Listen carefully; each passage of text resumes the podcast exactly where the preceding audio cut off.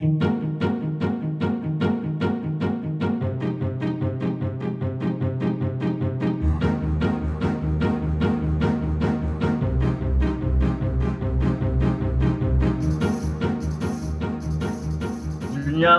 e, hatta insanlık tarihinin tek interkontinental podcast, e, podcast yayını e, Dış Mihraklar'ın yeni bölümü. Bu kaçıncı bölüm oldu şimdi? İki değil mi? İki abi. evet. İki, iki. İkinci bölüme kadar geldik. Ee, yeni bölüm. e, Bu beyinle kaç bölüm gider bilmiyorum ama da bakalım. Bugün ikinci bölümdeyiz dış mihraklarda. Bugün Covid konuşacağız. Tabii ki Covid'in biz hani virüsün özellikleri, e, yayılma hızı vesaire gibi şeyleri konuşmayacağız. Aslında Covid'den yola çıkarak devletlerin güvenirliliğiyle ilgili gözlemlerimizi aktaracağız. Bazı bilgilerimizi aktaracağız.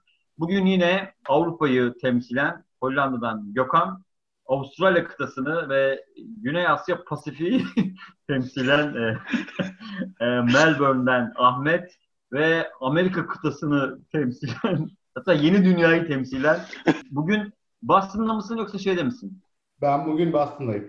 New York'ta he. E, Boston'dan e, Önder Yozgat'ı da temsil etmek istiyorum bu programda. Yozgat'ı da temsil ediyor bu arada evet ve yine Orta Doğu ve e, e, Asya'yı temsilen Asya kıtasını temsilen İstanbul Fener yolundan Salih Coşkun olarak ben. Şimdi şöyle Covid e, ile beraber bir şeyle karşılaştık. Bir zaten var olan bir durum iyice ortaya çıktı.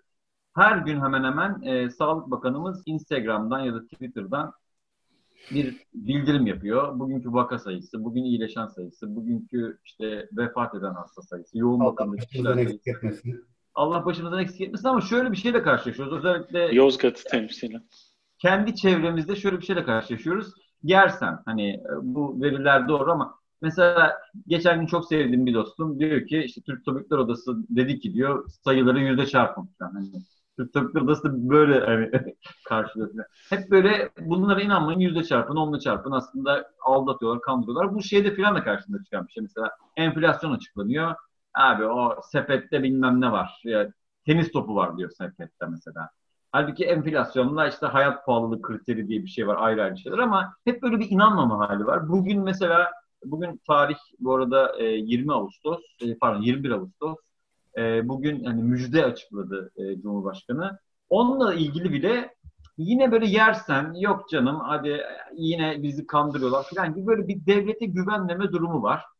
E, bu Türkiye'de çok var. Şimdi ben merak ediyorum dış mihraklarda bu durumlar nasıl? Mesela Hollanda hükümeti bir şey açıkladığı zaman insanlar hadi canım sen de falan mı diyor ya da Avustralya'da ya da Amerika. Amerika'yı biz takip edebiliyoruz. Hani medya biraz e, Amerika'yı böyle referans olarak gösterebiliyor ama yine de ben dış mihrak arkadaşlara bunları oradaki gözlemlerini sormak istiyorum. A- şey üzerinden gideceğiz Covid e, üzerinden gidebilirsek. Orada nasıl açıklanıyor? Nasıl tedbirler? Buradaki tedbirlere de inanılmıyor. Hani okullar açılacak deniyor da ya bence açılmayacak canım kandırıyorlar bizi havası var mesela. Hollanda'da nasıl bu iş e, Gökhan? Ee, Hollanda'da ilginç bir şekilde ben başka bir ülkede böyle bir şey görmedim. Bütün ülkelerin rakamlarını bir siteden takip ediyorum. World on Matters diye bir site var. Belki biliyorsunuzdur. Ben de onu ben de onu. Ee, korona ilk çıktığı günlerde ben yeni bir işe başlamıştım. Benim evimden bir buçuk saat uzaklıkta trenle gidip geliyordum ve trende aksıran tıksıran insanları Belçika oluyor değil mi? Hollanda'dan bir buçuk saat gidince Belçika'ya geliniyor mu? Gerilemiyor. Yeni trene bağlı.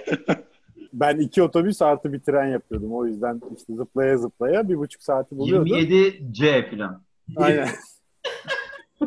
Kimsenin e, henüz daha Avrupa'ya gelmediği, İtalya'da yeni yeni göründüğü zamanlardı. Ben e, ses olmaya başlamıştım o zamanlarda. Ve işte otobüste, trende dikkat ediyordum hani öksürenlerden uzak duruyordum vesaire. O zamanlar bir e, herhangi bir önlem yoktu Hollanda'da. 11 Mart tarihi benim ofise gittiğim son tarih. Ben ofise gitmeyi bıraktıktan bir hafta sonra Hollanda hemen e, İtalya'da o dönem yükselmeye başladı. İlk uygulaması şu oldu. Herkes çalışabilen herkes home office çalışacak. Şeylerde kalabalık mekanlarda daha doğrusu herhangi bir mekanda ev harici 3 kişiden fazla bir araya gelmeyecek. Gel- gelirse mekana ayrı para cezası, Bir araya gelenlere ayrı para cezası uygulanacak. Ama herhangi bir maske zorunlu vesaire yoktu o dönemde.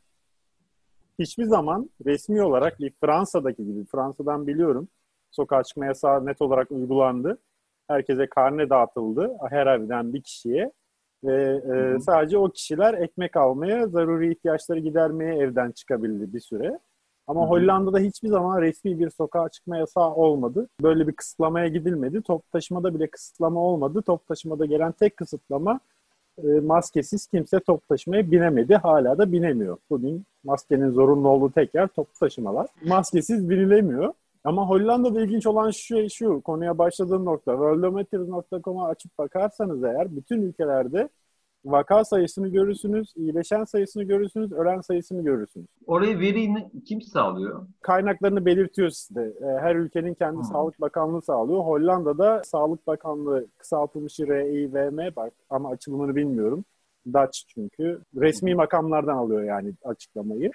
Ve orada göreceğiniz tek değer enfekte olan sayısı bu e, test edilip pozitif olup kayıt altına alınanlar ve ölen sayısı. İyileşen sayısının takibi yok. Neden yok? Çünkü hasta olduğunuz zaman eğer gerçekten ölümcül durumda değilseniz Hollanda sizi hastaneye çağırmıyor, test yapmıyor. Tek söyledikleri şu, evinde otur, hastalığın geçmesini bekle. Eğer nefes alamaz, çok zor bir hale gelirsen bize haber ver, biz seni gelip alacağız evden. Tek açıklama bu. Bu yüzden tek raporladıkları şey pozitif test sayısı ve ölüm sayısı. Şu anda da eğer e, kapanmış kezlerin ölü, e, ölüm yani iyileşen bölü ölüm vaka sayısına bakarsan yüzde yüz oranında ölüm görünüyor. Çünkü iyileşenlerin kaydını tutmuyorlar, raporlamıyorlar. Ama ölüm hmm. açısından bakınca raporlamaları çok güçlü. E, bir 5-6 sayfalık bir PDF raporu yayınlıyorlar her gün. Ve o raporda ölenlerin yaşı, cinsiyeti, işte her tür detayları var. Ben bunları bir süre bayağı takip ettim.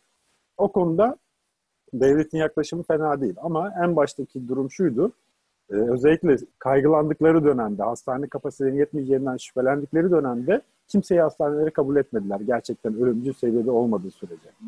Ben kendim buradaki e, practitioner'lar var. Bu mahalle doktoru diye geçiyor. İlk ona gitmeniz lazım. Yani sağlık sisteminin ilk adımı bu. Çok güzel bir şey söyledi. Şimdi ben ben ona değinecektim. Birazcık güvensizlik işte o, o sayıları 10'la çarp, 100'le çarp. Fatih Altaylı'nın öyle bir yazısını da okudum zaten. O da işte beni bir doktor aradı. Onları 100'le çarp dedi filan. Ben şöyle bir şey de olduğunu düşünüyorum. Yani iyi niyet kötü niyetten ziyade insanların, ülkelerin e, bazı sayıları sayması şeklinin bir nedeni oluyor. Mesela atıyorum Hollanda demiş ki ben bunları hastaneye alamam, kapasitem yok. O yüzden test de yapamayacağım. Bunları yapmayayım, böyle sayacağım ben. Bunları sayıyorum demiş mesela. Şimdi öyle olunca o bütün Covid'leri sayıyorum demiyor. Buraya gelenlerin sayısı bu, elimdeki bu diyor mesela. Şimdi o, o rakama nasıl baktığın da önemli. O yüzden ille de kötü niyetle az rakam söylemiyor olabilir bir ülkenin kaynakları. Çünkü kaynaklarını doğru kullanmak adına test yapmıyor olabilir. İşte riskleri doğru yönetmek adına hastaneye kabul etmeyeceğim sizi çünkü daha çok dağıtıyorsunuz demiş olabilir. Atıyorum bir sürü şeyi de. Yani aslında verideki hatalardan ziyade verinin neyi gösterdiğini bilmeden baktığımız zaman o da şey gibi geliyor. Ya bizi kandırmaya çalışıyorlar gibi geliyor bence. Bazen de bunu e, şeyde kullanıyor olabilirler. Yani yazıp Hani bu kadar kişi hasta falan. Ya ama yani ben e, açıkçası bu, bu yaklaşım e, şey olarak şüpheli yaklaşım, şüphe etme hali. E, aslında benim merak ettiğim şey bu. Yani şimdi e, ülkelerin aldığı tedbirler bence iyi de hani Türkiye'de de bence devletin aldığı tedbirleri ben açıkçası çok da kötü bulmadım. Hani okulları hemen kapattılar mesela. Ya da e, iş yerleriyle ilgili ya da hafta sonlarına yasak getirmek o 65 yaş vesaire vesaire bunlar bence olumlu hareketlerdi ama ama hep e, şöyle bir hisle e, izledik biz olanları. Veriler, veriler hep e, yalan. Hep yalan. Oradaki mesela bahsettiğin site mesela Sağlık Bakanlığı üzerinden gidiyor diyorsun ya veriler Gökhan. Türkiye Cumhuriyeti Sağlık Bakanlığı'nın verdiği verilerin yanlış olduğu hissi var hep toplumda. E, Avrupa Birliği de vize şey koydu ya şu an Türkiye'ye zaten. Hani sayılarınız güvenilir değil diye sanırım şu an Türkiye'den Avrupa'ya turistik amaçlı vize alamıyorsun değil mi? O epeydir evet. vardı Ya da bazı ülkeler koydu. Yani yani şöyle oldu galiba. Almanya'dan gelen gurbetçiler geri dönerken e, testten geçemedi. Yani pozitif çok fazla evet. çıktı. E, evet, o evet. yüzden Avrupa Birliği dedi ki Türkiye'de şimdi vizeleri durduruyoruz. E, ama şöyle bir şey var. Ben Amerika'da Türkiye'deki datalarla ilgili yayın da okudum gazetede. Yani ülkedeki ölüm sayılarına bakıyorsun diye bir şekilde Mart'tan sonra şey olmuş, coşmuş ama has, bir şekilde koronavirüs değil bunlar. Nasıl böyle bir şey olabilir diyor. Yani pandemi var. Ölüm sayıları tavana vurmuş Artıyor. ama ölenler koronavirüsten olmamış. Ya olabilir tabii ama bu çok Evet, evet. gelmiyor bize diye ben bir yayın okudum. Hani şimdi e, Amerika'da nasıl de şu- Önder? Amerika'da nasıl inanma durumu? Valla Ee, ben Amerika'da inanmama e, tabii ki oluyor. Ama şöyle bir şey var Amerika'da. Yani herhangi birisi bir politikacı, bir birisi bir yerde bir şey söylediği zaman altta ilgili yayın kuruluşu fact check koyuyor ya. Fact check gibi insanlar var. Yani bu insan şu anda yalan mı söyledi, gerçek mi söylediği zaten altta yazıyor. Diyor ki işte adam şey e, me- mesela başkan çıkıyor. Pat pat pat pat bir şeyler konuşuyor. Altta mesela bir tane uzman gelmiş. İşte bu doğru değil aslında 2018'de bilmem ne şu dataya göre, şu verilere göre böyle böyle olmuştu diyor. Burada yalan söylüyor filan. Sadece Covid ile ilgili diyelim herhangi bir konuda. Herhangi. Zaten Mesela bizdeki an- enflasyon gibi, buradaki bugünkü olay gibi. Tabii tabii. Irkçılık olsun, enflasyon olsun, işte kadın hakları olsun. Zaten ben şu an genellikle politik şeyleri söylüyorum. Bunlar Amerika'nın şeyleri. Şu anda e, seçim e, senesi. Biliyorsun bu Kasım ayında seçim olacak. Trump'ın dördüncü senesi bitiyor. E, devam edecek mi kalacak mı yoksa Joe Biden mı seçilecek gibi bir şey var.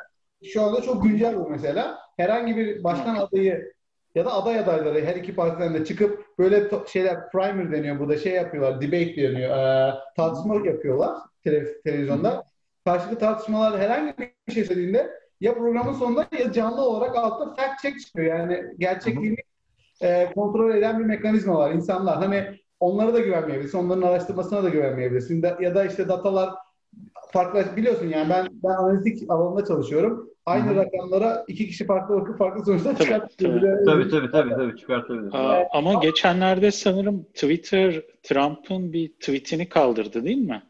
Ya da Evet, Facebook. evet. Ee, bir paylaşımını yalan bilgi diye. Yalan bilgi diye. Aha. Ee, Hmm. Kaldıramıyor, sansür olur diye ama şey diyor, biz, bizim gördüğümüz kadarıyla bu doğru bilgi değil diye. Aynen şey koyuyor. Disclaimer gibi bir şey. Ne Neyse. oldu abi? Bir şey geldi. Süremiz uzatıldı, süper. Şimdi şey diyeceğim, Dış güçler yardım mı etti? Dış, dış mihraklar e, tam gaz devam ediyor. İlk Biraz daha kötüleyin. Türkiye'yi falan diye. hikaye biz dinlemeye başladı, kesilmesin, daha devam etsin bu diye. Devam. Hep oyun, daha hep kötülememiz oyun, lazım hep. Putin, Putin oyunları. Neyse, şöyle bir şey söyleyeyim, bir fact check olayı var. İki, Trump'ın zaten sürekli yalan bilindiği için hani ya yalandır diye bir şey yok. Zaten yalan yani. Yüzde 96 Allah yalan. Allah.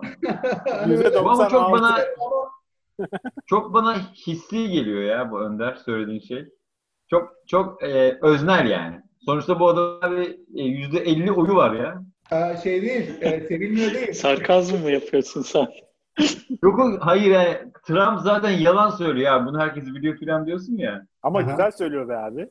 Hayır şöyle, şöyle yalan söylüyor. Bak şimdi şöyle diyor. Diyor ki mesela e, Trump'ın konuşma tarzı şey mesela nükleer triyattan bahsediliyor. Diyor ki nükleer triyatla ilgisi bir bilgisi olmamasına rağmen nükleer gücüyle ilgili Amerika yorum yapıyor ama sonra çıkıyor fact check'te zaten bunları söylediği hiçbiri doğru değil diye çıkıyor. Yani ben şeyden söylemiyorum. Benim öznel şeyimden söylemiyorum. Yani Anladım anladım. Amerika'da şey çok kolay söyleniyor. Mesela Bernie Sanders, işte Biden çıkıp şey diyebiliyorlar. Trump a pathological liar. Yani işte çok hastalık seviyesinde bir e, e, yalancıdır kendisi diye çıkıyor. Ondan sonra arkasından bir sürü fact checkler çıkıyor. Yani bunu böyle söyledi değil.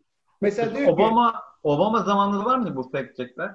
Her zaman vardı tabii ki. Her zaman vardı yani. Yani Obama'nın da Trump- yanlış söylediği şeyler olmuştu. Ben şimdi hatırlamıyorum. E, Mutlaka olmuştu. Ama mesela e, şey diyor, ben hemen ülkeyi kapattım diyor, kimseyi sokmadım diyor. Altta şey çıkıyor. Ee, ilk case ortaya, ilk vaka ortaya çıktığından beri Mart'ın bilmem kaç sene kapatana kadar 40 bin kişi ülkeye girmiş zaten. Hmm, Tamam mı? anladım. Hani yani şey değil, benimki böyle... Hemen veri geliyor yani. Lan Yalan. Veri de ben söylüyorum. Yani anladım. Trump'ın şöyle bir örneği var. İşte dedi ki adam çıktı e, televizyonda. Göreceksiniz bak bu bu virüs var ya havalar ısınınca böyle şey gibi böyle sihir bir ortam kaybolacak dedi. Biliyorum. Nisan dedi. Nisan. Ha, bir ülkenin lideri gelip de böyle şeylere inanıp böyle e, mucizelere inanıp insanları buna yöneltince toplum şey oldu yani hani toplum demeyeyim şey e, ta- takipçileri de çok %53 falan da oy aldı dediğim gibi. Onun arkasına gidenler de çok var haliyle ama e, şeyler bilim adamı etrafındaki bilim adamları bile şey dedi, ya böyle şeyler söyleme. Yani bu insanların bunu gerçekten ciddiye almaması neden oluyor dedi. Amerika Evet. şu anda galiba dünyada koronayı en kötü yöneten ülke olabilir. Evet. Olabilir değil abi öyle sayılara göre. Yani yani Öyle veriler öyle gösteriyor. Yani Ben tabii bakmadım. nüfus da çok yüksek ama veriler de zaten birinci sırada yani direkt yani Amerika. O bahsettiğin sitede de e, birinci sırada. Ahmet sen ne diyeceksin? Avustralya'da nasıl? Yani Covid ve Ee, inanırlılık anlamında, inan, güvenilirlik anlamında.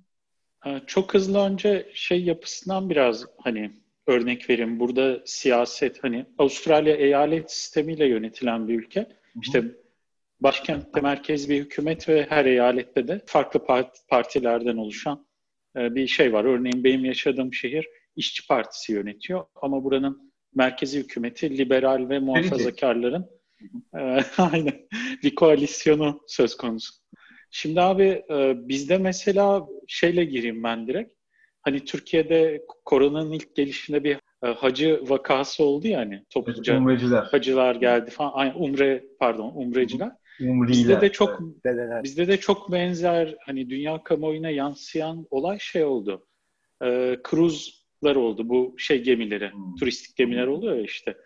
Ee, onlar mesela Avustralya sınırlarını kapatmış olmasına rağmen e, ve hani tedbirleri hayata geçirmiş olmasına rağmen özellikle Sydney'in o çok turistik limanlarına o kruzlar yanaştı ve hiçbir kontrol yapılmadan insanlar gayet inip gemiden yaydılar yani Covid'i. Hmm. Ee, ve bu çok büyük bir skandala dönüştü. Şu anda hala bunun e, ne denir investigation devam ediyor yani bu konuda. Araştırma. Ee, a- özür dilerim. Araştırma devam ediyor. Bir an doğru kelimeyi bulamadım. Dışında Ee, kaldı. şeyden. çok dejenere olduk. Ee, hani on- onlar yola böyle investigasyon eder Türkçe. Geldi. Investigation. Hani ondan yola çıkarak şey söyleyebilirim abi. Ee, Hani orada bir güvenilirlik kırıldı zaten. İkinci büyük güvenilirliğin darbe aldığı yerde bizim Melbourne'de oldu. Ee, belki dünya kamuoyuna yansıttığını bilmiyorum ama bizim sınırlar kapalı ama e, şey e, yani yurt dışından Avustralya'ya dönen e, yani ülkesine geri dönen insanlar burada klasik her ülkede çoğu ülkede olduğu gibi o 14 günlük karantinaya giriyor otel Hı karantinasına. hı. Ama e, ben burada biraz şeyi gördüm. Hani böyle diktatör ya da daha totaliter ülkelerin bu işi daha böyle askeri bir disiplinle yürüttüğünü. Ama Evet. bizim gibi böyle daha e, bir kelime var mesela Oziler çok kullanır. Laid back diyorlar yani arkaya yaslanmış Hı hı. rahat kafadaki ülkeler. Bizde biraz böyle hem insan haklarına çok fazla hani saygı duyulduğu için hem de biraz böyle çok kötü olaylar sıklıkla yaşanmadığı için devlet refleksleri çok zayıf bu tip olaylarda. Ee, böyle çok sıkı tedbirler uygulama konusunda diyeyim. O otel karantinasında çok büyük bir kriz oldu. İşte otelin e, güvenlikçilerini bayağı WhatsApp'tan falan işe almışlar. E, taşeron Hmm. üzerinden. Onlar hiçbir tedbir uygulamadığı için oteldekiler elini kolunu sallayıp girip çıkmış, işte dışarıya çıkmış, gezmiş karantinada. Ee, aynı şekilde e, güvenlik görevlilerinden birinin otelde kalanlardan biriyle işte cinsel ilişkiye girdiği falan filan gibi bayağı bir geyikler döndü. Ve bizde ikinci dalga Melbourne'de patladı. Şu anda yani Avustralya'da ilk 6 ayda ölen insan sayısını, bütün ülkenin ölen insan sayısını Melbourne yaklaşık bir buçuk ayda geçti tek Hmm. başına. Ve Son burada da- dalgayla değil mi? son dalgayla ve hala devam ediyor. Biz bizde şu an sokağa çıkma yasağı yani kısmi bir sokağa çıkma yasağı Var mı? Var, var. Ama şöyle yani bir evden e, günde bir kişi alışverişe çıkabiliyor veya hı. ev hanesinden iki kişi e, egzersize çıkabiliyor günde bir saatliğine. Ama e, sabah 5 akşam 8 ile sabah 5 arası e, acil yani hastaneye gitmiyorsan ya da kritik bir işte çalışmıyorsan sokağa çıkma yasağı var. Türk aileleri Ee, bu nedenle spor yapmaya başladılar. Aynen. Ağustos'un Evet, ilk evet. haftasına başladı. Eylül'ün yaklaşık sonuna kadar devam edecek bu. Vakaları indirmeye çalışıyorlar. İkinci dediğim bu e, otel olayında da ikinci kez bu. E, devletin güvenilirliği tekrar bir yara aldı diyebilirim. Ama bence onun dışında yani Avustralya'da e, siyasetçilere ya da hani devlete bir güven olduğunu söyleyebilirim insanlarda. Ama hani geçen yayınımızda senin söylediğin bir şey vardı ya Salih. Hani bu gelişmiş, tırnak içine gelişmiş dediğimiz ülkelerde Hani devlet çok iyi, çok tatlı şöyle ama devletin bir kırmızı çizgisi var. Onu geçtiğin zaman Evet, evet. evet. o ülkelerin de canavar yüzünü görebiliyorsun ya. Evet, evet. Bence A- Avustralya'nın da bu tip şeyleri var. Yani kırmızı çizgileri var ve oralara dokunduğun zaman devletin diğer yüzünü gördüğün durumlarda oluyor. Benzer şekilde şeyde de yaşadık bunu. Melbourne'de e, mülteci olarak gelmiş, henüz topluma entegre olamamış ya da maddi zorluk çeken insanlar için inşa edilmiş böyle TOKİ konutları gibi bir yer var şehir merkezine yakın. Normalde burada evler daha Sosyal müstakil. konut. Hı hı. Herkes Evet. aynen rahat yaşarken böyle o Atatürk öğrenci yurdu gibi falan kocaman Evet. bloklar var. İnsanların mesela bu e, Avustralya'da ikinci dalga patlayıp vaka sayıları da o bölgede çok olunca o binaların olduğu blokların birini birdenbire 500 polisle baskın yaparak falan kapatmışlar. Ve insanların e, yani dini inançlarına beslenme e, hani şeylerine saygı duymadan işte alışveriş yapamazsınız bize ve işte sizin yiyeceğinizi her şeyinizi getireceğiz deyip garip bir sıkı yönetim uyguluyorlar.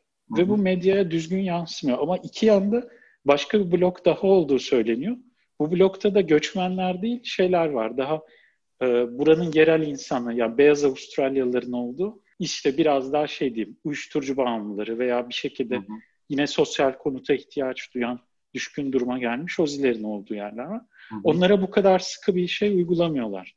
Aynı e, lockdown'u, polis baskınını falan uygulamıyorlar. Bunlar Ya, mesela Ozi mi çok diyorsun? Ozi mi diyorsun? Ozi mi? aynen aynen. Ozi ne ya Ozi? Aussie'den. Ozi Av- Aussie yani Avustralya'da yaşayan Avustralya. buranın buranın vatandaşı ya da yerel insanlar ama yerelden kastım Yankee gibi Ee, Yankee. Rinso White. aynen aynen aynen. Gringo. Ama, ama Beyaz şey değil. Aborjinleri kastetmiyorlar. Genel Beyaz Türkleri. biraz. Yani Aynen aynen hmm, aynen. anladım. Ee, Peki bir şey soracağım. Dolayısıyla Ee, şu- ya, şimdi senin o verdiğin örnekler bence çok güzel. Ee, biraz böyle liberal parti mi şu an iktidarda? İktidarda liberal parti var evet. İktidar liberal parti. Şimdi abi liberalizm... Bizim şehirde işçi partisi. Ben ben açıkçası siyasi görüş olarak kendimi en yakın hissettiğim taraf yani liberal e, Hı hı. politikalar ama orada da mesela gördüğüm en büyük yani en büyük eleştirim şu işte Hobbes'un şey var işte Leviathan var mesela orada devleti yani e, ya- yapay bir mekanizma olarak olmazsa olmaz olarak görüyor yani hani anarşizmden ayrıldığı nokta o. E, devlet olmalı yapay bir mekanizma olarak doğa dışı ama ya- yapay. Ama işte mesela senin verdiğin örnekte ya da Amerika'nın hani Orta Doğu'ya müdahaleleri e, ya da İngiltere'nin tarihi boyunca bütün her yerin müdahale hep bu hani bireyin güçlü, özgür veya girişimcinin özgürlüğü adına yapılan inanılmaz baskılar. Yani orada en böyle totaliter rejimlerden daha sert. Çünkü oraya koydukları şey yani bireyin özgürlüğü, e, şeyin sermayenin özgürlüğü ya da serbest piyasanın hareket edebilmesi adı altında ezilen insanları daha fazla ezmek, daha fazla sertlik. Yani hani daha önceki programda da veya şimdi de bahsettiğim gibi e, bunlar ortaya çıkıyor. Böyle olağanüstü hallerde de yani e, pandemi gibi olağanüstü hallerde de bu yüzlerini daha sert bir şekilde görebiliyoruz aslında bu, bu ülkelerin. E, Bir yerde yani- katılıyorum. Ee, hı. Yani bir yere kadar katılıyorum aynen. Bazı kırmızı çizgileri vurduğun zaman çok e, bu sert devletler devletler. Evet. farklı yüzünü gösterebiliyor ama ben mesela biraz Avustralya'da hani bu birkaç örnek haricinde açıkçası pandeminin kontrol altına alınamaması sebebinin biraz şey olduğunu da düşünüyorum. Yani çok bu işi sıkı yönetim gibi uygulamadılar toplum genelinde. Uygulamaları gerekir mi o başka bir tartışma da. Hı hı. E, kişisel haklara çok fazla saygı duyulduğu için e, birçok şey zorunlu hale getirilmedi. İnsanlara test yaptırmak bile belli bir aşamaya kadar zorunlu değildi yani karantinadayken. Ha. Ben Bir şey e, söyleyeceğim ben sana. Bu kişisel hak garip geliyor bana yani. Şimdi mesela kişisel hakkından dolayı kırmızı ışıkta durmayacağım diyemiyorsun. e, şöyle düşün ama Önder, şu anda mesela hepatit de tehlikeli bir hastalık değil mi? Evet. Mesela sen hepatiti, hepatitin bazı türleri de sıf kan yoluyla bulaşmıyor. Temasta bulaşan hepatit türleri de var. Sen hepatit sahibi birine sokağa çıkma diyebiliyor musun devlet olarak? Ama şimdi şöyle bir şey var. Sonuçta tehlikelerinde oranları var yani. Ne kadar transmissible olması var. Hani Tabii, tabii.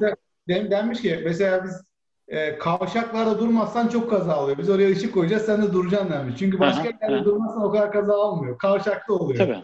Oraya da durduruyoruz biz seni. Bu da koronavirüs abi. Bu sen aldığın zaman çok dağıtıyorsun.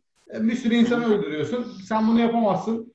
Olabilmesi lazım gibi geliyor bence. Ya da atıyorum ben özgürüm. Ben o restoranda işte yıkamayacağım tabakları yıkamadan vereceğim. Ben yıkamayı sevmiyorum restoranlarda. hani yani yani ben öyle seviyorum. Bakteri de çok o kadar öldüren bir şey değil yani. Herkeste var bakteri. Ama e, ben ben bir şey söyleyeceğim bir de yani ö- önderlik olarak tedbirli olmak bir değer yargısı oldu. Yani şundan bahsedeceğim. Sadece devletler bazında söylemiyorum.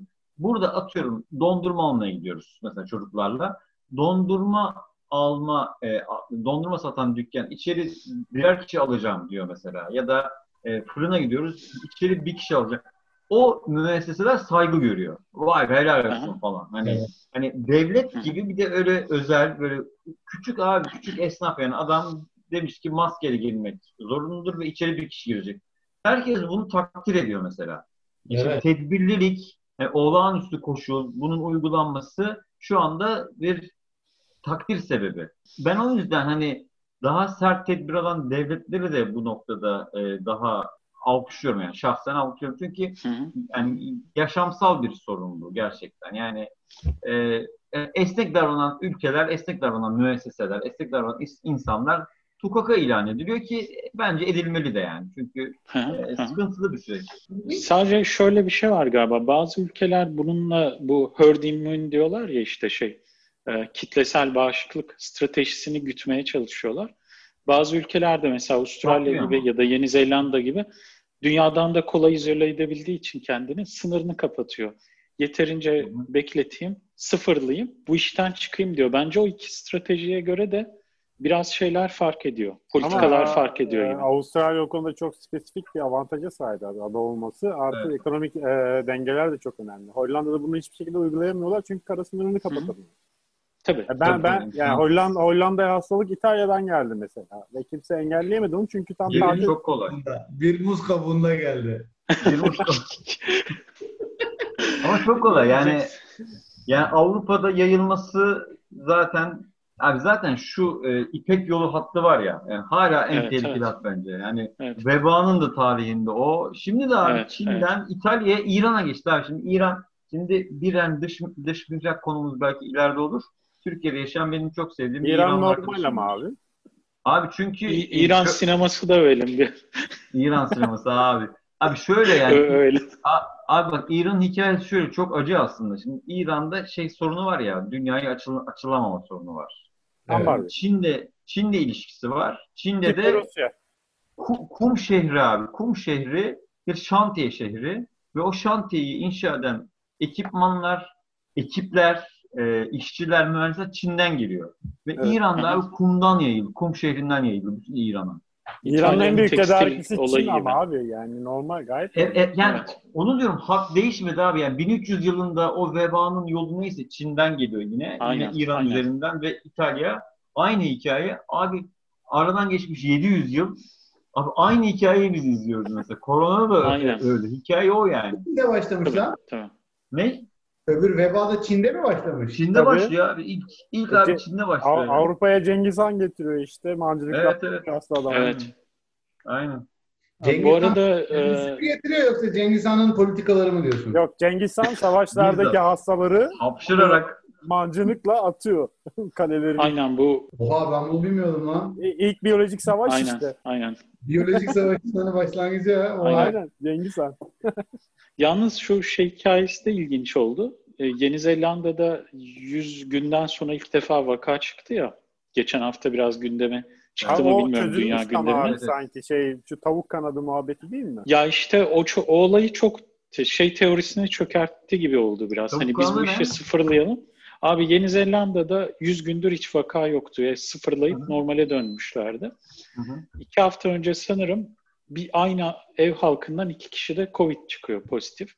Ondan sonra bakıyorlar bu iki kişinin ortak noktası aynı soğuk hava deposunda çalışıyorlar. Ve sonra işte e, oraya detaylı bir araştırma yapılınca şey görülüyor. Yani hala bu kesin değil ama yüzde 90 ya da daha yüksek diyeyim. E, Brezilya'dan ithal edilmiş olan dondurulmuş tavuk ürünleri, tavuk kanatları Muz. bu işin kaynağı olduğu söyleniyor. Ve bu şey demek hani ben e, sınırlarımı kapatayım, vakaları da sıfıra indireyim, sonra normale döner mi? Nah dönersin gibi bir Hmm. e, Abi, şey ya- oldu yani. Hani o İpek yolu da aslında hani globalizm evet hani hala İpek yolu en büyük hat bir şeyleri dağıtan ama işte bu Doğru. global ekonomi Evet, evet. Global e, ekonomi sebep oluyor mu diyeyim ben. Çünkü aynen. e, yine de e, verilerin ne kadar güvenli olduğu tartışılıyor açıkçası. Evet. Tabii. Önder, Önder sen bir şey diyeceksin galiba. Ben her şeyi söyle, bir sürü şey söyleyebilirim. Bir tanesi, e, bir tanesi şey dedi. İlk bana söz verdiğinde devlete güvenden falan bahsettin. Onu birazcık COVID'e de bağlayacaktım ben. E, benzer bir şekilde burası eyaletlerle yönetilen bir yer. Eyaletler kendi başlarına devletler yani aslında bakarsan. Kendi yasaları var, kendi kanunları var. Kimin hapse gireceği bile bir eyaletten başka bir eyalete değişebiliyor. Bazı eyaletlerde idam varken bağlılığını olmayabiliyor mesela. Yani o kadar farklı var. Bildiğin Avrupa'da Vergi farklı. gibiler. Ama bunlar federal anlamda başkana bağlılar tabii. Bu federal kurumlarda var. Dolayısıyla bu şeyi koronavirüsün e, yönetimini biz e, eyaletlere bırakıyoruz dedi şey başkan. E, birazcık basiretsiz şeyler de yaptı ama özel, özelinde eyaletlere bırakıyoruz dedi. Oraların valileri şey yapacaklar falan dedi. Ve ben eyaletlerin yayınlarına insanların böyle şey yapmadığını pek görmedim. Ya rakamlar yanlıştır falan dediğini görmedim.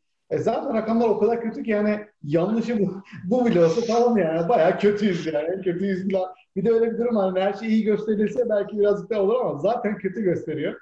Hani Evet. e, öyle bir şey oldu galiba. Fakat bir de artı bir de bir şey daha söyleyeyim. Eyaletlerin içerisinde de böyle county dediğimiz şeyler var. Bunun Türkçe karşılığı yok herhalde. Yani böyle şey gibi County, evet, evet. bir grup bir grup ilçenin bir grup ilçenin bir araya gelip böyle bir bölge oluşturuyor. Ee, onlar gibi yani alanlar. Anadolu yakası, Avrupa yakası belki Ha, en fazla. gibi. Aynen öyle. Mesela biz ben şu anda şey e, e, Middlesex şey county'sindeyim. Middlesex county'sinin şeyi var. Benim aslında benim town'umun yani Neyrik town'u burası. Boston'a çok yakın ama Neyrik diye bir şehir town burası. Buranın belediyesinin bir yayını var mesela internet sitesinden ben takip ediyorum. Ee, yanlış şeyler de çıkıyordu. Diyorum ki ya geçen gün bunu 35 demiştiniz bugün 38 olmuş. Rakamlar böyle tabii küçük bir yer olduğu için. Ondan sonra olamaz 6 kişi daha geldi diyorsunuz filan. Ben mail yapıyorum. Ancak ya pardon yanlış yapmışlar filan. Düzelttiler. Öyle hani öyle bir ilişkim oldu buradaki insanlarla. yanlış yanlış bir rakam falan koyabiliyorlar falan ondan sonra düzeltiyorlar. Sonra şeyi değiştiriyorlar. Kimleri sayacaklarını, kimleri sayacaklarını. Mesela diyor ki biz e, test olmuşları hemen pozitif saymaya başladık diyorlardı. Sonra hani sonuç gelmeden test olduysa bir semptomu varsa biz önce pozitif sayıyoruz test negatif gelene kadar falan diyorlardı. Ha. E sonra onu değiştirdiler. Çünkü e, sadece semptomu olanları değil herkesi test etmeye başladılar. Onu değiştirdiler. Öyle olunca rakamlar vurup bir değişti böyle. Ulan ne oldu yalan mıydı? Yani değil. Biz başka türlü saymaya başladık. Hı hı, hı. Çünkü şey de var abi. Çok yeni bu olay. İnsanlar daha şey yapmaya çalışıyor. Böyle anla, nasıl bunu çalışıyor, evet. nasıl yapsam daha mantıklı oluru bulmaya çalışıyor. O. ikincisi de şeyi de bilmiyoruz. Yani e, şeyler işte bilim adamları, insan çıkıyor o kadar bilmiyoruz ki diyorlar. Milyonlarca insan var nasıl bilmiyorsun diyorsun ama gerçekten bilinmeyen o kadar çok faktör var. Mesela e, 100 günden sonra şey çıkmasının nedeni soğuk hava deposu da olabilir. Ama şeyi de biliyoruz. Asemptomatik yani semptom göstermeyen Tabii. hastalar var. Tabii Evet. 4-5 ay hem de. O, o kadar bir, böyle rastsallıkla o kadar bir grup insan orada yaşadı ki hep birbirine aktardılar semptomsuz. Aynen, Bir de aynen. semptom olmasına rağmen ya bu bir şey değil alerji zaten bana bu aylarda hep oluyor demiş de olabilir. Hani o şekilde de olabilir. Gerçekten o kadar bilmiyoruz ki. O kadar bilmiyoruz. insan hasta Tabii. olmasına rağmen. Zaten o yüzden güvenmemem için başka nedenler de var benim. Yani illa birisinin art niyetli e, bir şeyler yapmasına gerek kalmadan. Güven için zaten sayı yeterli bir faktör değil abi. Yani devletin nasıl yaklaştığı daha önemli. O yüzden ben e, Hollanda özelinde mesela ben güvende hissediyorum. Çünkü biliyorum ki ilk günden beri alınması gereken önlemleri aldılar. Hani sayıları göstermiyor bana kabul ama görmeme de gerek yok zaten. Ben dışarıya baktığım zaman devletin nasıl yaklaştığını buna, nasıl müdahale ettiğini görüyorum. En basitinden beni etkileyen örnek. İsteyen herkes evden çalışabilir, şirketler buna itiraz etmeyecek diye bir karar çıkardılar. Bu 1 Eylül'e kadar geçerliydi. Son dönemde tekrar dediler ki 1 Eylül'den daha da sonraya uzattık, tarihini de koymadık. Biz tekrar tarih koyana kadar şirketler size itiraz etmeyecek, kendini güvende hissetmeyen herkes evden çalışmaya devam edebilir dediler. Şimdi bu yaklaşım benim için, devlete güvenmem için yeterli bir yaklaşım. Ama bak bu şöyle bir şey var. Şimdi Salih senin sorunun altında şöyle bir şey yatıyor bence. Ee, yani sakladığın için söylemediğini söylemek istemiyorum ama altta şöyle bir şey var. Yani güvenmezlik tamamen politik olarak iktidardaki olan insanlara karşı olmaktan kaynaklanıyor mu gibi bir şey var. Ama Evet. Hı hı. yani benim adıma mesela ben Türkiye'nin rakamlarına güvenmedim. Amerika'da yaşıyorum. Vardır muhtemelen. Ben politik oy vermedim AKP'ye. Alakası olabilir ama şöyle bir şey var. Dış güç işte, datalara, tamam mı? Datalara. İran'da var. İşte Bulgaristan'da var. Bütün komşularında var. Türkiye'de yok. Nisan'a kadar çıkmadı değil mi? Yani hani Evet. şey değil böyle bu. Rakamı söylemek, gelsin yalantılardan ziyade biraz da bakıyorum yani bu, bu kadar ülkeye yayılmışken Türkiye'ye girmemesi, olan bir ülkeye girmemesi mümkün mü? Ha, sa- söylememelerinin nedeni birçok şey olabilir. Test yoktur. Dolayısıyla confirm edemiyor. Yani onaylayamamışlardır. Öyleydi. diyorlar ama öyle yani. Hani sonra evet, üç tane doktor. Hatta bir tane çok komik bir doktor vardı işte dedi ki bu işte genetik olarak kısa Oy, boylu Oytun mu? Evet, oluyor evet. Oytun. O çocukcağız patladı gitti ya. Yalnız ben ben bir şey söyleyeceğim. Bu arada ben e, en başta kayıttan önce söylediğim bir şey vardı. Bir, birkaç araştırma var. Bir de Önder'in söylediği şu Yani, Fact check, doğruluk, fact doğruluk check. kontrolü. Doğruluk kontrolü. Şimdi- Doğruluk Ve Teyit var ya Türkiye'de. do- doğruluk kontrolü yani medya üzerinden yapılan bir do- doğruluk kontrolünden Evet. e, yola çıkarak aslında bir sorunun cevabını aldığımı düşünüyorum. O da şu. Şimdi araştırmalardan bahsedeyim ben. Amerika Birleşik Devletleri'nde son 12 yılda e, her yıl yapılan araştırma en güvenilir kurum nedir diye sorulduğu zaman PBS televizyon ağının en güvenilir kurul, kurum olduğunu söylüyor, söylüyor insanlar. İnsanlar medyaya güveniyorlar. Yani en güvenilir kurum bir medya örgütü. Medya değil Türkiye'de de bu- spesifik bir yer. Türkiye'de hangi kanala denk gelir o? Türkiye'de en sonlarda medya, medya ağları. A Haber değil mi Türkiye'de? 1986'da TRT 3. Böyle haber falan böyle ya da belki sizde TRT 3 yoktu ama TRT 1 olabilir. Haber, Şey, eğitim PBS böyle mi? şeyleri. Çocuklar için PBS böyle mi? PBS böyle çok güzel tartışma programları var. Çocuklar için Evet. olan programları böyle şey şey değil Evet, böyle. evet. Bir- Böyle hani marka Hı. reklamı yapayım değil de böyle eğitici falan böyle hani Ha TRT Şu- değil. e, Susam Sokağı tarzı TRT. Susam Sokağı bak, yani. bak Susam Sokağı, Frontline, Charlie Rose ve Nature gibi programları da üreten saygın bir televizyon ağı Aynen diyor. Tamam, tam Kullanmak 80'lerin TRT'si aynen.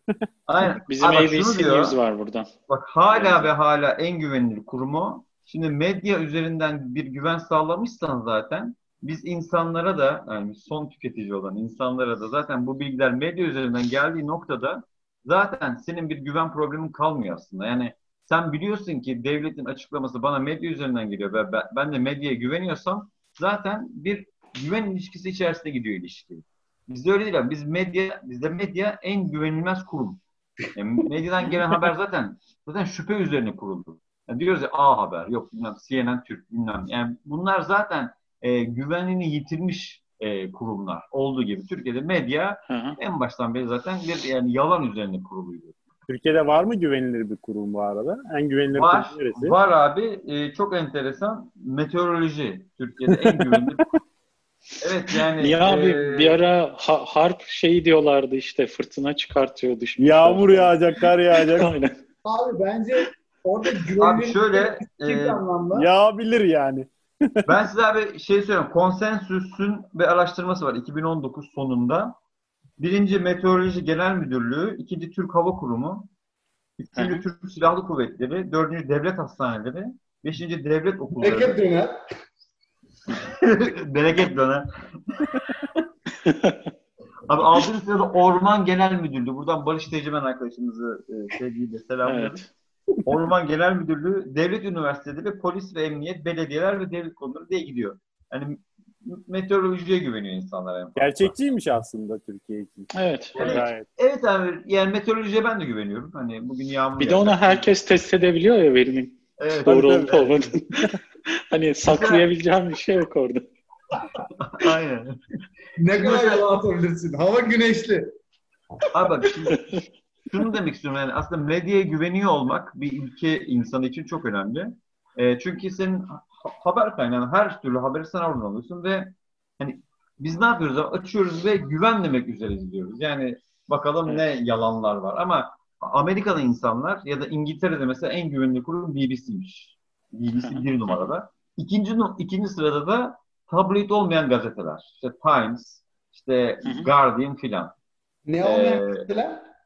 Tabloid gazeteler var ya böyle işte mag- mesela The Sun, Manşet The Sun gazeteleri. böyle manşet Aynen. gazeteleri ya da Bizim. Herald Sun var evet burada. ya da evet işte Victoria Beckham'la ilgili haberler falan değil de hani Guardian mesela işte Irak Bizdeki- gazeteleri diyelim. Bizdeki hürriyete, milliyete mi denk geliyor bunlar? Ee, Bence- abi bizde şöyle Bence bir- biraz ben- daha radikal vardı ya zaman. Yok abi ben Radikal abi tarzı. radyo TV sinemada yüksek lisans yapan yaptığım dönemde şöyle e, bir muhabbet dönüyordu hocalarımız tarafından. İngiltere'de tabloid gazeteler vardı bir de saygın gazeteler vardı. Türkiye'deki bütün gazeteler tabloiddir diyorlardı. Yani e, e, onlarla aynı ölçekte gösteriyoruz ki zaten ortada abi. Gü- güvenmiyoruz yani medyaya güvenmiyoruz. Cumhuriyet falan vardı o da mı tabloid sayılıyor? Ben güvenmiyorum abi. Ben o çünkü abi her gazete Türkiye'de belli bir siyasi e, görüşün manifestosu yani şeyi Hı hı. ne derler e, onun temsilcisi aslında yani yani inanasın gelmiyor. Yani hepsine bir şüpheyle bakıyorsun açıkçası. Yani Türkiye'de böyle bir tarihsizlik var. Belki de e, bütün Orta Doğu'da var yani bu. Bu tamamen Hollanda'da nasıl mesela? Etik sorun yani. bir soru soracağım sana Salih. Bütün gazetelerin bir siyasi görüşü var dedin ya. Tam tam gazetesinin hangi siyasi görüşü? Abi onu özlüyoruz ya. Tan gazetesini özlüyoruz çünkü e, Bu arada siyasi- Di- gazetesi- Dionysos. Tan gazetesi ilk çıktığı dönemde ideolojik bir fikirle çıkmıştı diye biliyorum. O tan o tan değil işte abi. O, O değil. aldılar O değil. Sen o sana yetişememişsin. Biz ama evet yani 1980'lerin Tan gazetesini özlüyoruz yani. Yani. 90'larda da vardı. Ben yetiştim ona merak etme. Şey peki Ee. Hollanda'da nasıl? Şimdi e, Amerika'yı ve Avustralya'yı da ben İngiltere üzerinden tahmin edebiliyorum. Yani medyaya güven anlamında. Yani medyanın belki de en güvenilir kurum olması. Hollanda'yı da merak ediyorum. O da herhalde yakındır diye tahmin. Daha daha doğrusu medya durumu nasıl abi medya orada? Abi açıkçası Hollanda'da medyayı hiç takip etmiyorum. Çünkü Hollanda'nın benim için en bu kadar cazip olmasının güzelliklerinden birisi de beni hiç ilgilendirmiyor. Medyada ne döndü. Ben sadece e, evi, evime gelen devlet tarafından gönderilen kağıtlardan takip ediyorum be- beni ilgilendiren gündemi. Mesela 3 hafta önce falan bir kağıt geldi belediyeden. Diyor ki bizim bu yılki bütçemizden 250 bin euro arttı. Biz bunu ne yapalım? Bak burada link var. Gir oraya, yorumunu yap. Anketimize gir. En çok seçilen şeyi biz yapacağız diyor. Ve bu bana güven sağlamaya yetiyor. Çünkü adamlar Köpük. Partisi falan böyle. Hayır ad- adamların bütçesi varmış. Hepsini harcamamış. Artmış artanı nasıl kullanayım diye o bölgede yaşayan vatandaşına soruyor. Şimdi bu bir güven e, kriteri. Çok evet. Çünkü özel Bizde de bu şirketler, çok oluyor. özel şirketlerde bile şu olur. Bilirsiniz belki. Yani Kasım ayında gelirler. Derler ki bütçemizin %10'unu hala harcamadık. Hemen harcamamız lazım. Niye? Çünkü harcamazsak seneye daha fazla bütçe alamayacağız. Ama buradaki e, yaklaşım o güveni sağlıyor bende. E, bana da yetiyor. Gündem olarak da dediğim gibi zaten haber takip etmekten ziyade kendi tecrübem benim onu notlamam için, bir değerlendirme yapmam için yetiyor. Devletin aldığı önlemleri görüyorum. Otobüse beni maskesiz almıyor. E, doktora gitmek istediğim zaman gidiyorum. Test yapmak istiyorum dediğim zaman tamam yapalım diyorlar. Bu bana yetiyor zaten. Şu, şu oluyor mu peki Gökhan? Mesela Ö- Önder'in söylediği şey üzerinden gideceğim. Devletle ilgili bir e, verisel bir bilgi geliyor. Hı hı. O bilgiyi aldığın kanal ne mesela? Devletin resmi kurumu dediğim gibi Covid'i e, takip ederken ben o raporu dikkate alıyorum. Onların her. Nereden nereden alıyorsun o, o yayını? E, Sağlık Bakanlığı. Yok. Kendi Sağlık resmi Bakanlığı'ndan sitesine. sana Kendi Yani- resmi yani- sitesine giriyorum. ha, in- internet res- üzerinden anladım. Aynen anladım. internet üzerinde Yok. kendi resmi sitesinde yayınlıyor bunu PDF e, Tabii. rapor olarak. Evet, bi- biz mesela tabii ki biz de Instagram ya da Twitter'dan alıyoruz ama hani medya üzerinden de aldığımız zaman akşam televizyon açıyoruz biz. İşte CNN Türk ya da e, herhangi bir kanalı ve Sağlık Bakanı açıklamasını izliyoruz. Şimdi Türkiye'de en güvenilir kurumlar arasında son sıralarda olduğu için medya biz şey gözüyle bakıyoruz. Hep böyle hadi canım, hadi canım sen de, hadi saçmalama, hadi falan. Ama e, şimdi Önder'in söylediği o işte e, gerçeklik analizini yapıyor ya bu haber yalandır diyebiliyor ya altta. O zaman izlerken şey diyorsun zaten yani. Hani orada bir filtre var. Filtre olduğu için de artık insanlar verilere güvenmeye başlayabilirler tabii ki. Bir de en güvenilir kurum. Yani 12 yıldan beri yapılan araştırmalarda en güvenilir kurum tarafından yapılıyor bu filtre. O yüzden rahatlar. Sizdeki durum o yüzden merak ettim ama sen galiba medyayı takip etmedin. Ben de oradan e, bilginin kaynağından alıyorum. Evet. Dolayısıyla hani Tamam. medya zaten Tamam.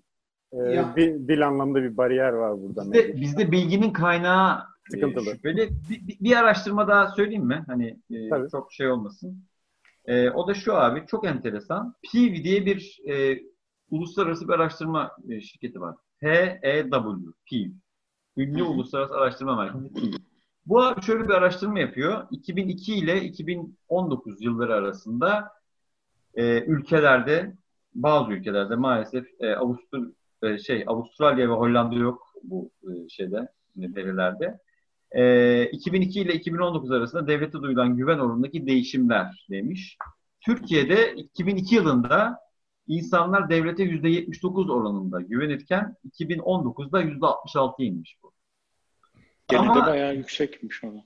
bayağı yüksek ama bütün ülkelerde düşmüş abi. İtalya'da 2002'de %88 iken 2019'da şu anda %30. İnsanlar devletin e, verilerine %30 oranında güveniyorlar. Bu biraz Almanya'da internetle yüzde- alakalı bir şey olabilir abi. İnternet Tam onu sosyal medya. söyleyecektim. İnsanların güzel. veriye erişim Çok güzel. imkanı arttı bence de. Aynen. 2002'de bu kadar değildi ama iki, Türkiye'de belki internet kullanımı e, belki taşrada daha az. Hala onlar CNN Türk'ten, A Haber'den oradan buradan alıyorlar ve e, sorgulayamıyorlar. Hayır, Türkiye'de internet regülasyonu da diğer ülkelerden farklı. Onu kapat, bunu kapat Tabii. muhabbeti daha fazla Tabii. olduğu için doğru bilgiye ulaşamıyorsun. Devlet kapatıyor zaten. Bence çok güzel bir analiz oldu bu. Hı hı. E, Abi, mesela bak Önüne çıkan yayın yapmaya başladı ya internette olduğundan beri. Evet ya ağzı olan konuşuyor.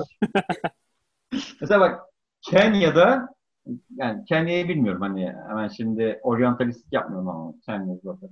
%73'ten %63'e düşmüş. Yani çok büyük bir şey yok. Ee, ama Almanya'da 86'dan 48'e inmiş. İngiltere'de O çok 66'dan yüksek.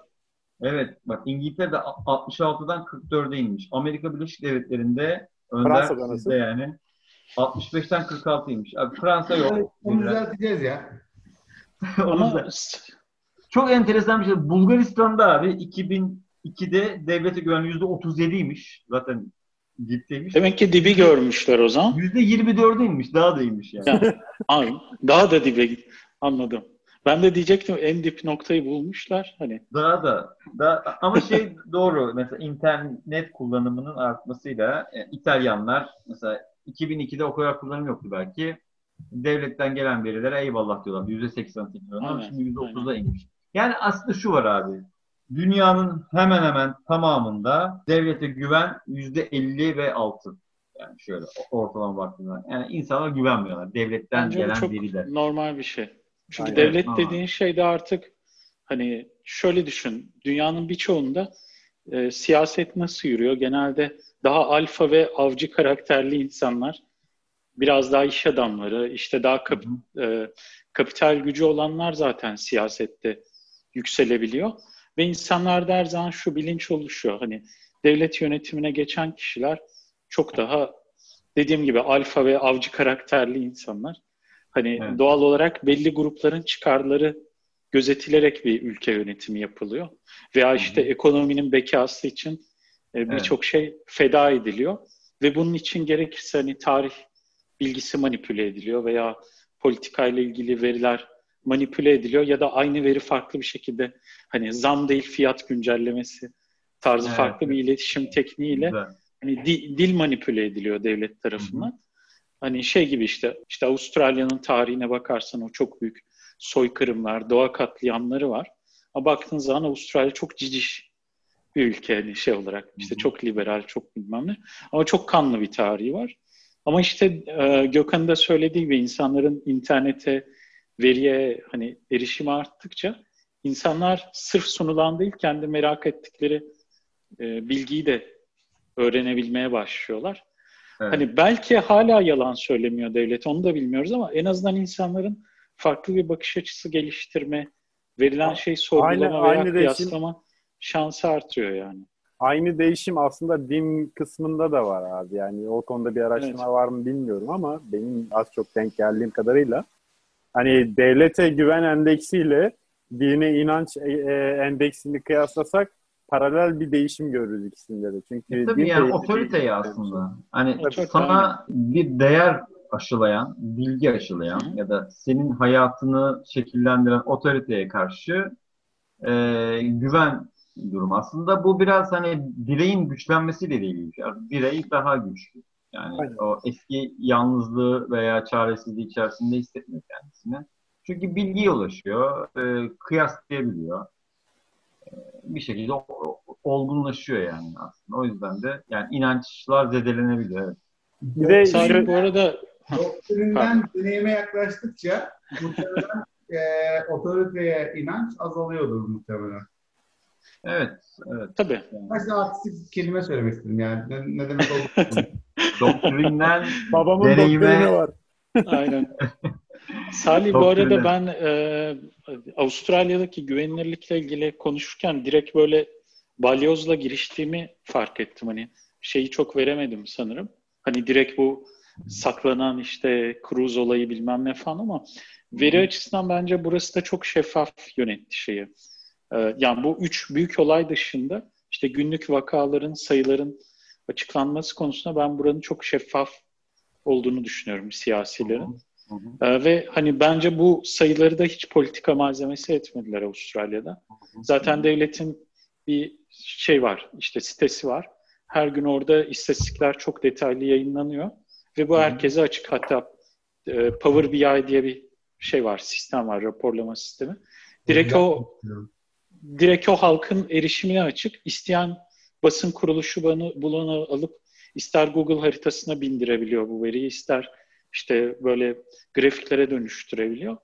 Ee, ve ben, bence kesinlikle burada hiç yalan söylenmiyor ve çok Hı hı. e, şeffaf yürütülüyor bu iş yani. Evet, sevgili izleyicilerimiz de şu an YouTube'dan bizi takip eden e, sevgili izleyiciler şu an linki e, görebilir. Sonda yalnız tamamı çıkmamış olabilir. Bu arada programımız e, Spotify, e, YouTube, e, Instagram, TikTok, Tinder, Tinder'dan da bizi takip edebilirsiniz. e, Dört tane balta öyle.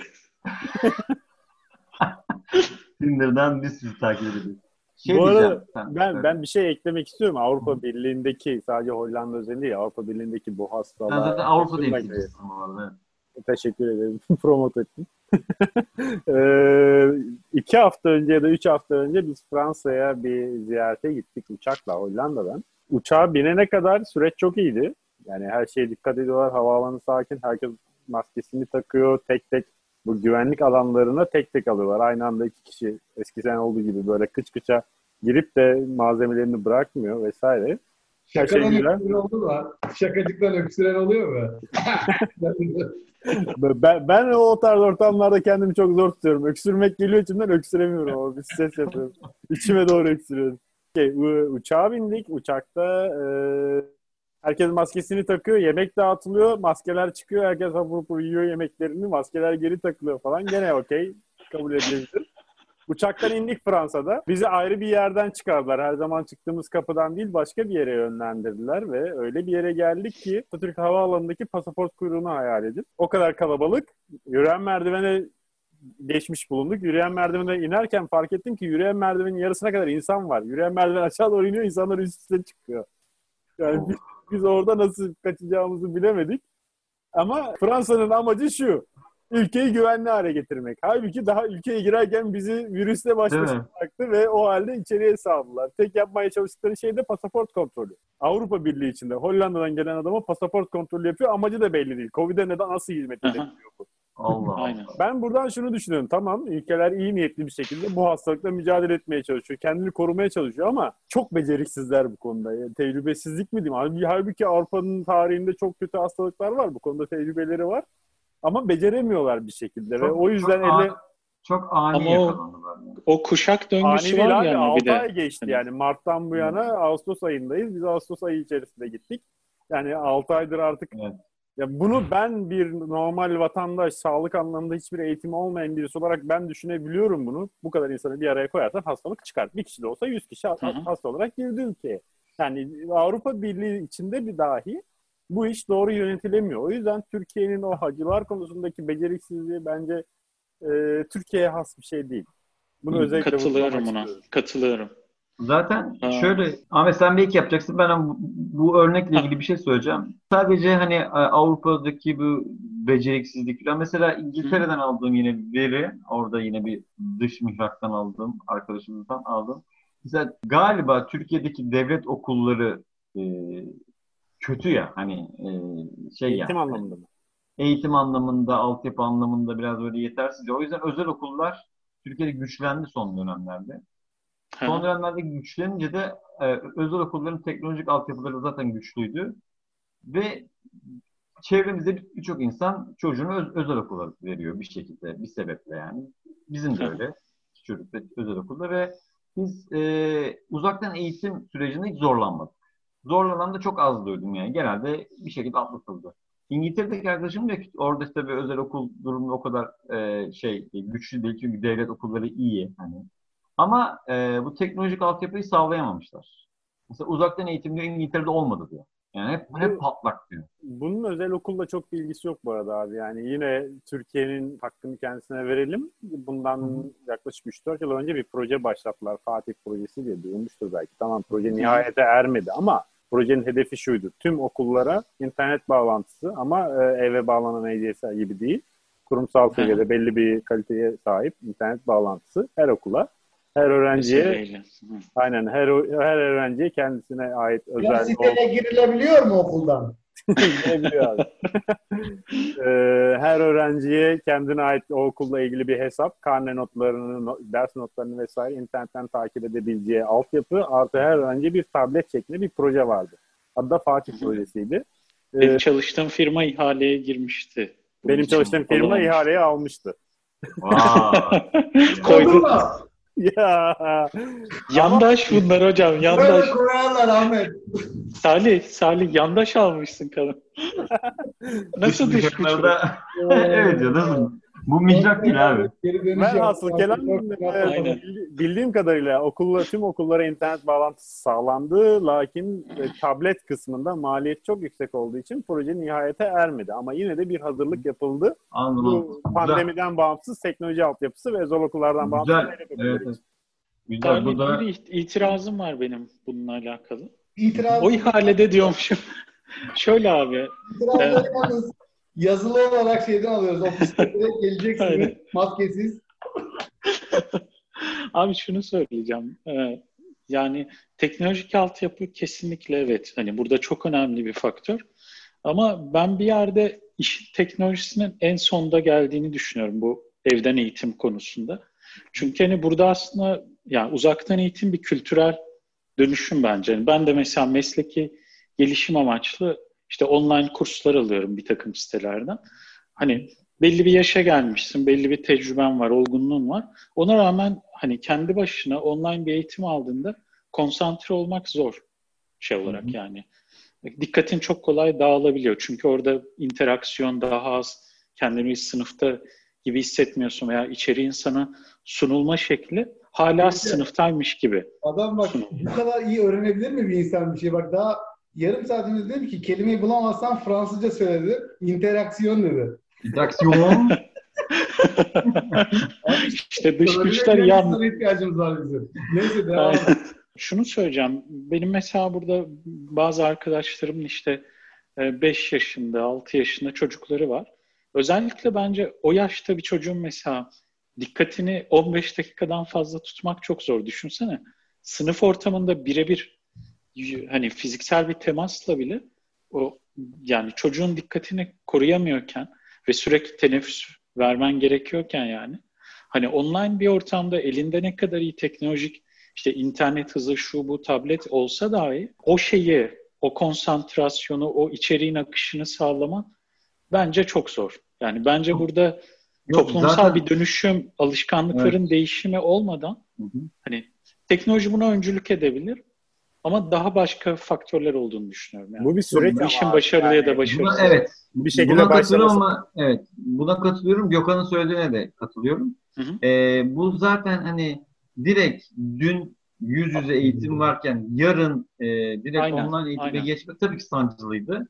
Ama o sancıyı da bir süreç olarak kabul edip Gökhan'ın dediği gibi o sancıyı da e, yönetmek noktasında Hı hı. ben Hı hı. açıkçası kendi çocuklarımın gittiği okulun iyi yönettiğini, etraftaki diğer insanların da genellikle memnun kaldıklarını gözlemledim. Evet. Bu arada Ama bir ek yapmak istiyorum örnek, oraya. e, şey çuvalladılar dedi. Yani artık oradaki beklenti neydi bilmiyorum tabii. Ee, Bizde mesela okulları kapatmadılar. O da bir şey. tabii. yememiş. Yani karantina var ama okullar açık gitti. O, bizde. online eğitimin hani faydasına giriyormuş gibi olacağım ama aslında çocukları hayata hazırlamanın adımlarından birisi artık bu olmalı. Kendi yaşadığım deneyimden yine bir örnek vereceğim. Yani ben üniversite bitene kadar dahi sınıfta eğitim görmüş bir insanım. Ne zamanki profesyonel hayatıma başladım, yine eğitimleri sınıfta görmeye başladım. Onlarca mesleki eğitim aldım. Ee, ama bir zaman sonra mesleki eğitimler çok maliyetli gelmeye başlayınca kendi başıma online eğitimlere yöneldim. İlk başlarda çok zorlandım. Alışık olmadığım bir şeydi. Ama şu an fark ediyorum ki ben aslında sınıfta aldığım eğitimlerden daha verimli bir şekilde kendimi eğitiyorum bu online eğitimlerle. O kendi kişisel dönüşümünü yaptıktan sonra. Ve Türkiye'de ya da başka yerde çocukların eğitimi içerisinde bir şekilde yer almak zorunda olan bir şey bu online eğitim bence. Tabii şöyle çocukların e, sosyalleşme sorunları falan var. Bu arada e, sürede e, yavaş yavaş toparlayabiliriz.